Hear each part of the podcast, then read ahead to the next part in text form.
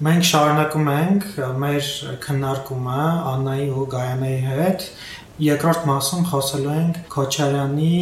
եւ Լեռնային Ղարաբաղի երկու նախագահների ու Լեռնային Ղարաբաղ Հայաստան թեմայի շուրջ։ Ակնհայտորեն այդ 4 4 օրը, հատկապես դատավարության դատավարական 4 օրը անց էր կացվում այդպես Լեռնային Ղարաբաղ եւ Արցախ հակադրությունների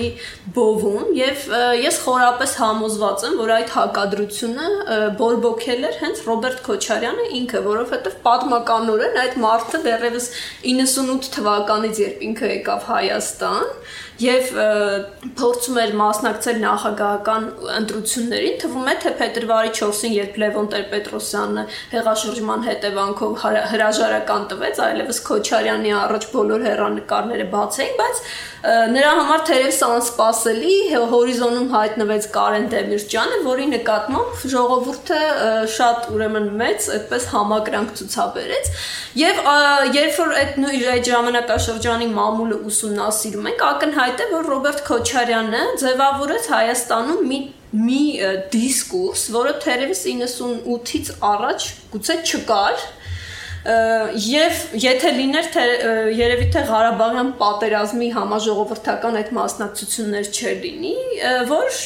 ով որ դեմ է Ռոբերտ Քոչարյանին, դեմ է Լեռնային Ղարաբաղին, այսինքն ուրանում է Արցախյան այդ գոյապայքարը, ուրանում է հերոսներին, ուրանում է նահատակներին, եթե չի ընտրում եւ չի կանգնում Ռոբերտ Քոչարյանի ուրեմն կողքին։ Հա, ինչև այդ ասացիր Արցախ եւ Լեռնային Ղարաբաղ հակադրություն եւ նկատներ Լեռնային Ղարաբաղ Հայաստան հակադրություն։ Ներողություն եմ խնդրում, Լեռնային Ղարաբաղ եւ Հայաստան հակադրությունը եւ նրա ուրեմն 10-նամյա եւ հետագայում նաեւ Սերժ Սարգսյանի, որը նույնպես մարմնավորում էր այդ կլանը, այսպես ասած, ես չեմ վախենում այդ բառը օգտագործել։ Ժողովուրդը այդ եւ ուներ, այսինքն շարունակաբար կրկնվող անարթարությունների, ուրեմն կոռուպցիայի, հանց, massայական այդ հանցագործությունների պայմաններում ուներ վերաբերմունք, ես կարծում եմ, հենց այս կլանի նկատմամբ եւ ոչ թե Լեռնային Ղարաբաղի ժողովրդի նկատմամբ, որ թերևս շատ ավելի շատ է շահագործվում, քան Հայաստանի ուրեմն ժողովուրդը, չգիտեմ։ Եվ Քոչարյանը փաստորեն այս ուրեմն վերակենդանացմամբ հարկադիր բերեց նորից այս դիսկուրսը մցրեց մեջ որովհետև նա այս գործիքը շատ հմտորեն ժամանակին կիրառել է, որ այսինքն եթե ընթանում է դատավարություն, թե երևի թե երկրի թիվ 1 հանցագործին են դատում այս պահին եւ ստացվում է որ ով որ ուրեմն ով որ համակրում է այս դատավարական process-ը եւ կարծում է որ Հայաստանի Հանրապետության երկրորդ նախագահը պիտի պատասխան տա օրենքի ուրեմն ողջ խստությամբ իր ամբողջ գործունեության համար կամ գոնե իր կառավարման շրջանի հետ վերջին դրվագի մարտի 1-ի համար նա բերում եւ պրոյեկտում այս ամեն ինչը Լեռնային Ղարաբաղ եւ Հայաստան հարաբերությունների ուրեմն կոնտեքստում բնականաբար նման ուրեմն մանիպ, մեծ մանիպուլյացիոն գործիք երբ որ կիրառում ես կարծում եմ որ Լեռնային Ղարաբաղի ուրեմն երկու նախագահ նախագահը պետք է իրենց հարց տային. Արդյոք ուրեմն պատշաճումը իրենց վեր կենա Լեռնային Ղարաբաղից նման մտնոլորտում նման մարդու համար որ նման ծանր հանցանքի ուրեմն վերագրման պայմաններում հասնել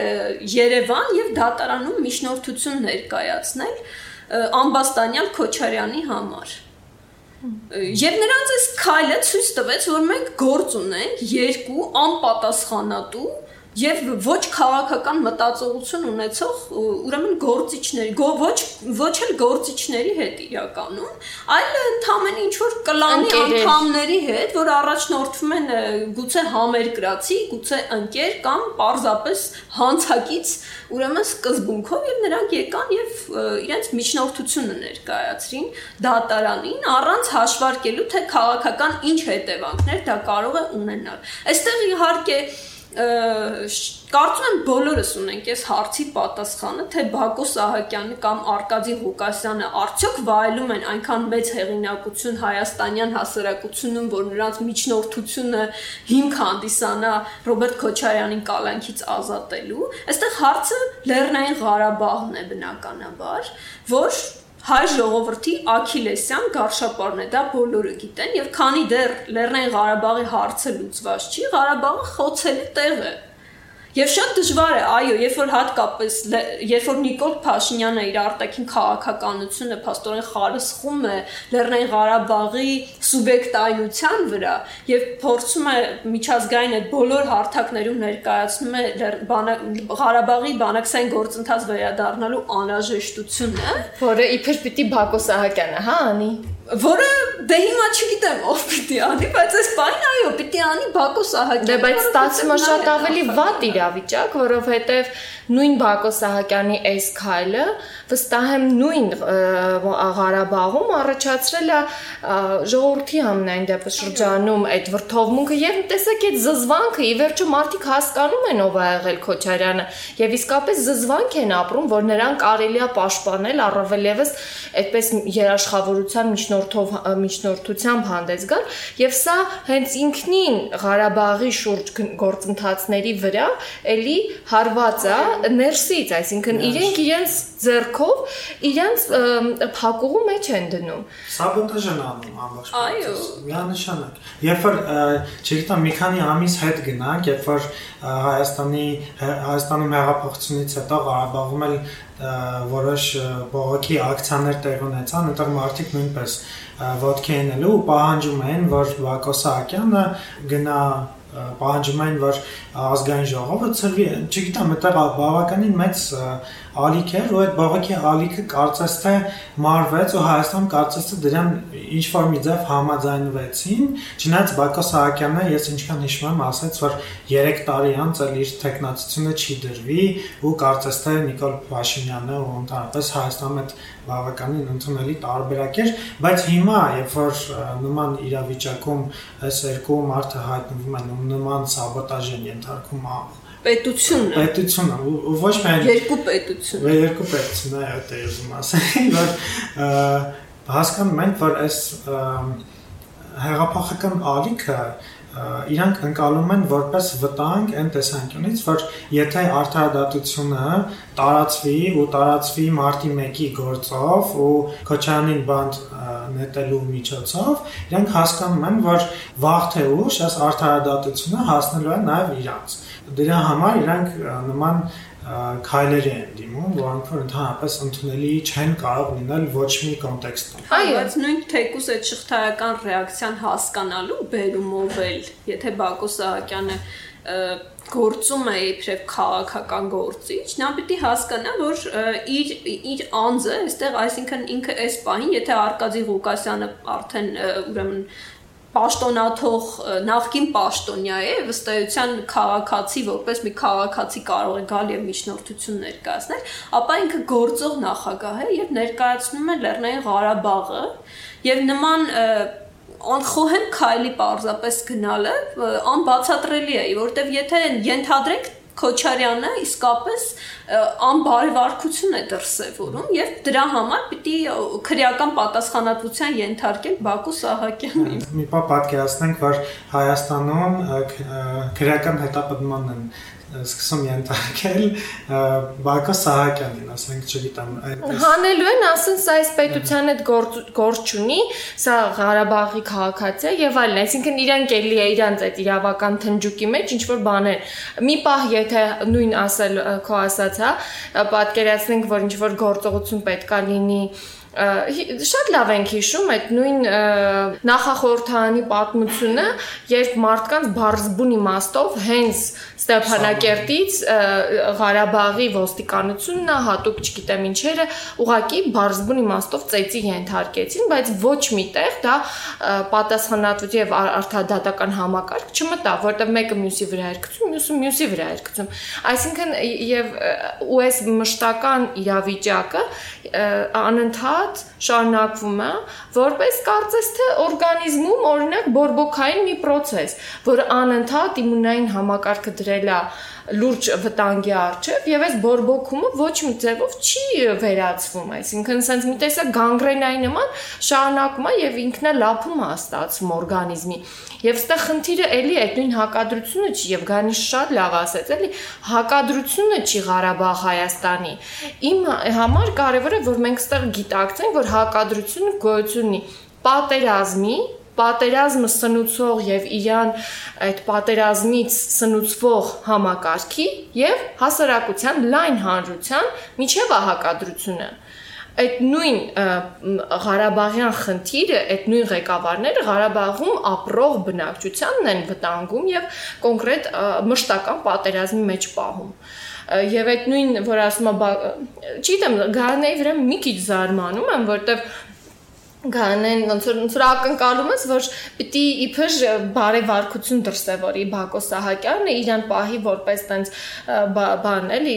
քաղաքական գործիչ որը շատ խելամիտ է եւ այլն եւ այլն ինքը ընդհանրապես մի հատ մարդ է որը պաթոսախար անդադ խոսում է որ մենք բոլորս եւ իմիջայլոց ամբողջ հայությունն աշխարհով մեկ սփռված ոչ միայն հենց նույն Ղարաբաղում ապրող Հայաստանից այնտեղ ծառայողները մենք որպես հարկատներ բայց ամբողջ աշխարհի հայությունը պիտի պահպանի հայոց սուրբ հողերը, սա մի քիչ շակերտներով եմ ասում, բայց փաստացի նայենք ով է սեփականաշնորել Ղարաբաղում հողեր։ Մի հատ նայենք ովքեր են այնտեղ հողերի սեփականատերերը։ Փաստացի դրանք մի մեծ կալվածատերեր են, ժամանակակից ֆեոդալներ են, ինքը իր ընտանիքը, վարչապետը, վարչապետի հարազատները, եւ փաստացի մենք սա հայությունով պետք է պահպանենք իրենց հողերը բարձ բուն իմաստով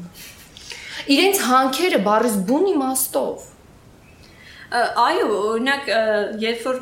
մայիսյան, ուրեմն դեպ անցած տարի մայիսին էր, որ նաև Լեռնային Ղարաբաղում որոշակի ուրեմն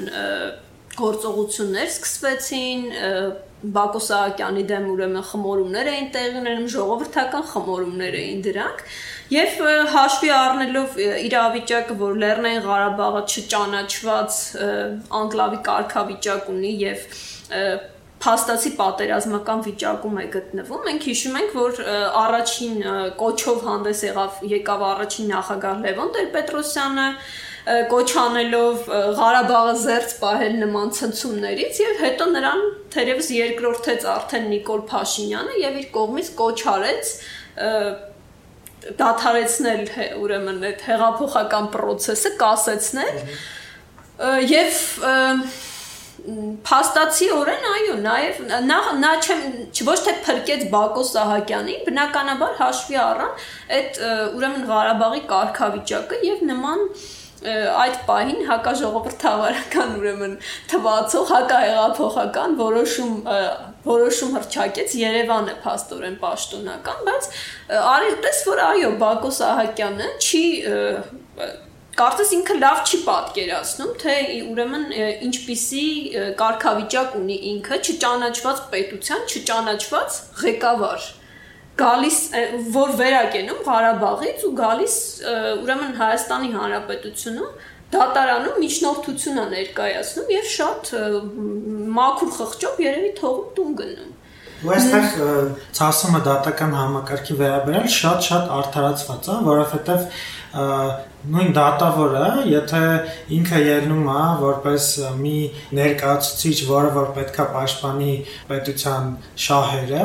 չի կարողանում գնահատել այն քաղաքական հետևանքները, որը որ կունենա Բակո Սահակյանի երաշխավորություն տալը, չի հասկանում այս ամեն ինչը կամ չգիտենք հասկանում է ու միևնույնն է ընդունում է այդ երաշխավորությունը, բայց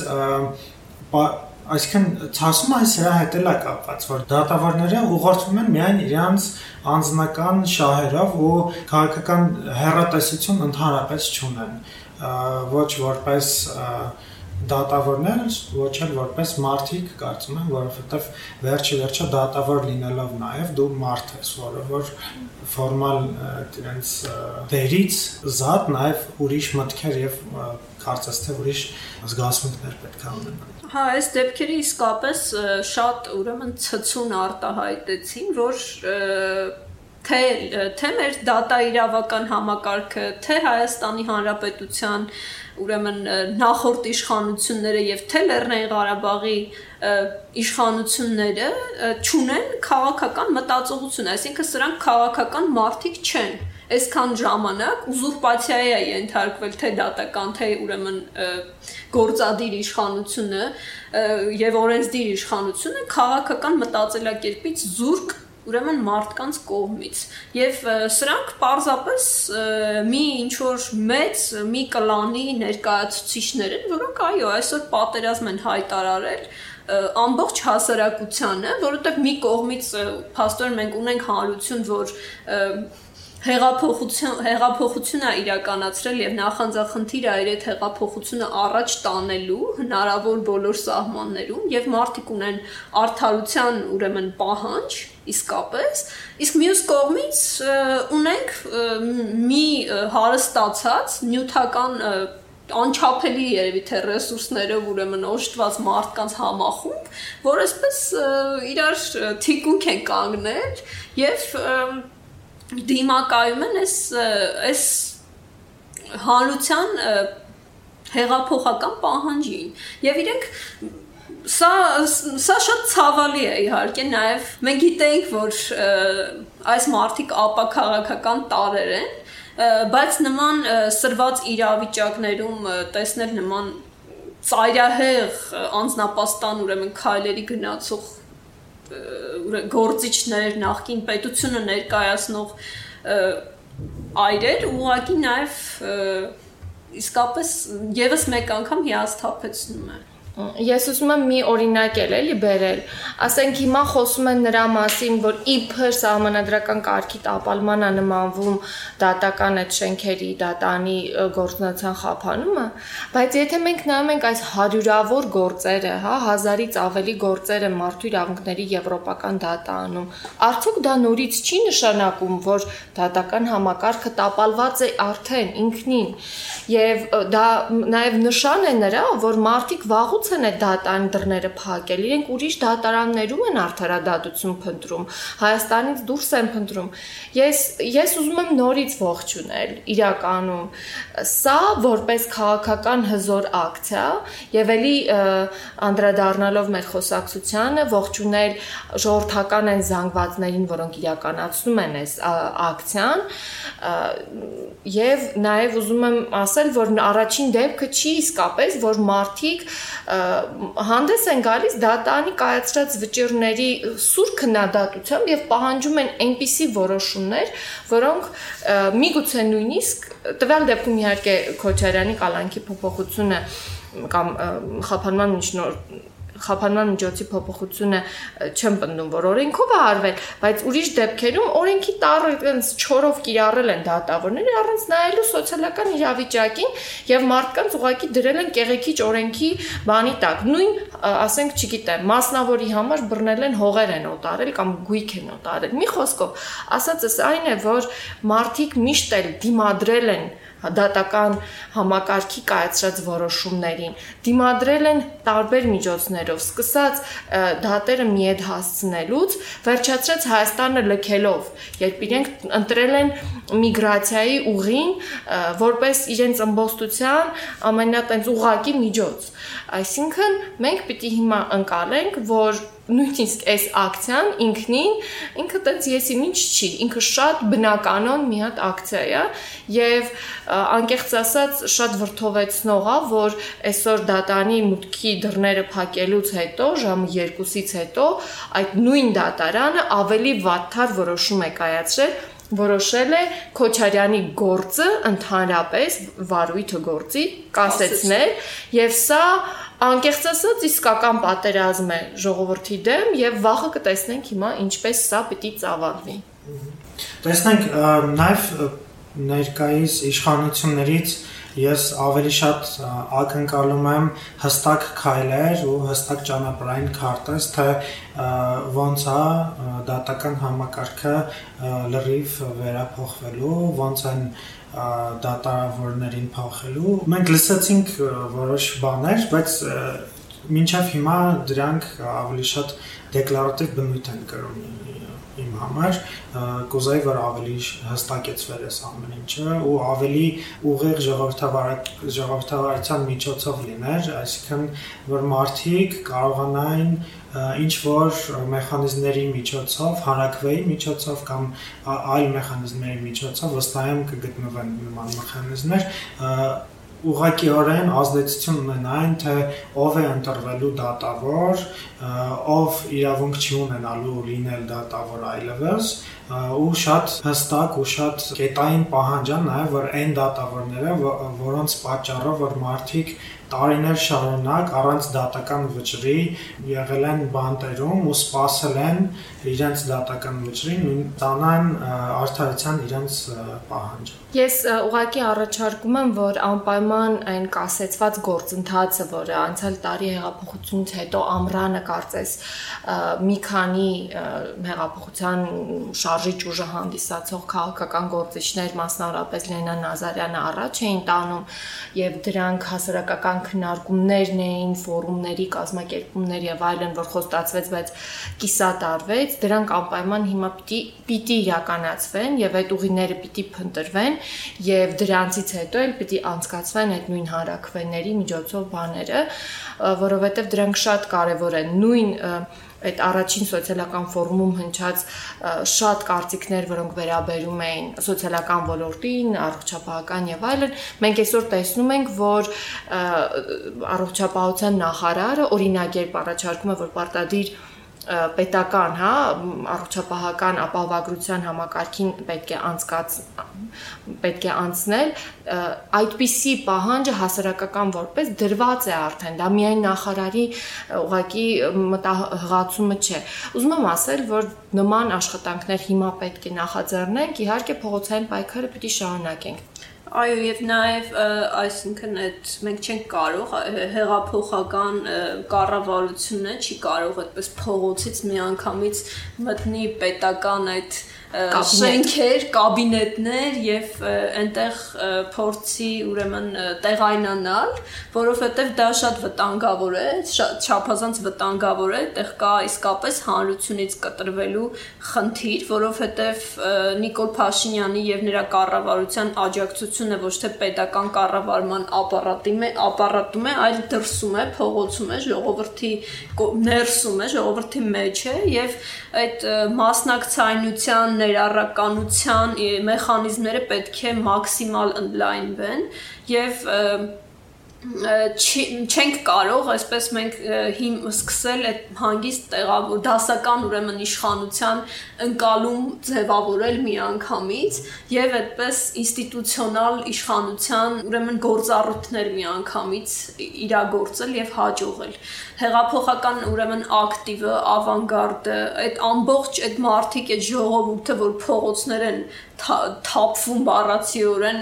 ամեն ամեն ուրեմն անհրաժեշտ առիթով պետք է ուղիղ մասնակցություն ունենան իրենց վերաբերող որոշումների կայացմանը, պետության ուրեմն ինստիտուցիաների նոր ինստիտուցիաների կայացմանը, կառավարմանը։ Նաև համարցակություն ունենան հրաժարվեն արդեն ընդունված ներկայացուցչական ժողովրդավարության ձևերից, մեխանիզմներից, որովհետև Պարզա, որ մի քիչ կարդանք, մի քիչ հասկանանք, փորձենք ներկայացուցչական ժողովրդավարությունը ուշ թե շատ հանգում է մի կետի, որ որից հետո որ որից հետո արդեն ոչ մի շարունակություն չկա, մարդիկ չեն ներգրավում, մարդիկ ավելի օտարվում են այդ ուղիղ ձևերով ազդեցություն ունենալու իրական քաղաքականության վրա, որը որ իրական ազդում է իրենց կյանքի որակի վրա։ Այս բանը ասեցիք, ես հիշեցի Բարգավաճ Հայաստանն է, ոնց որ թե հայտարարություն տարածել, որ խստիվ կարծես քննադատում ու դատապարտում է Նիկոլի այդ հայտարարությունը զավեշտալի է ուղակի։ Այսինքն բոլոր փող ունեցողները կամ բոլոր ուժերը, որոնք սпасարկում են կապիտալի շահին, դեմ հանդես եկան։ հան, հան, հան, հան, հան, հան, հան, հան, չգիտեմ, զավեշտալի է ու մի տեսակ ինքնին ինքնամաքրման, լյուստրացիայի նման էլի մի բան, բոլորի երեսները པարզ եղավ այս պահին։ Հա, եւ այդ այդ ուրեմն այդ համատեքստում նորից այս դիսկուրսն էլ կարծես Քոչարյանի կողմնակիցներն էին փորձում առաջ տանել այդ ազգային միասնության կեղծ օրակարգը իսկապես, որովհետեւ մենք ուրեմն ոչ թե ազգային անմիաբանության ճգնաժամի մեջ ենք հայտնվել հիմա, մենք պարզապես հայտնվել ենք ունեզրկված մի մեծամասնության եւ մեծ նյութական կարողություններ կուտակած փոքրամասնության արճակատման խնդրի առաջ ենք մենք կանգնած եւ պետք է թույլ տալ, որ ուրեմն այս բախումը իսկապես այո թող տեղի ունենա եւ պետք չի ազգային միաբանության կեղծ շղարշի ներքո փորձել այս երևույթը լղոզել եւ տանել ուրեմն հանդարտեցնել լճացման լճացման նորից այո Դե ինչ եւ այսքանով սահմանափակվենք, տեսնենք ինչ տեղի կունենա, ինչ զարգացումներ կլինեն։ Շնորհակալություն, որ մեզ լսեցիք, հետևեք մեզ Facebook-ում, նաեւ կարող եք մեր podcast-ը լսել, podcast լսելու ցանկացած հարթակում։ Շնորհակալություն Գայանե, Աննա, մինչ նոր podcast էպիզոդ։ Հաջողություն։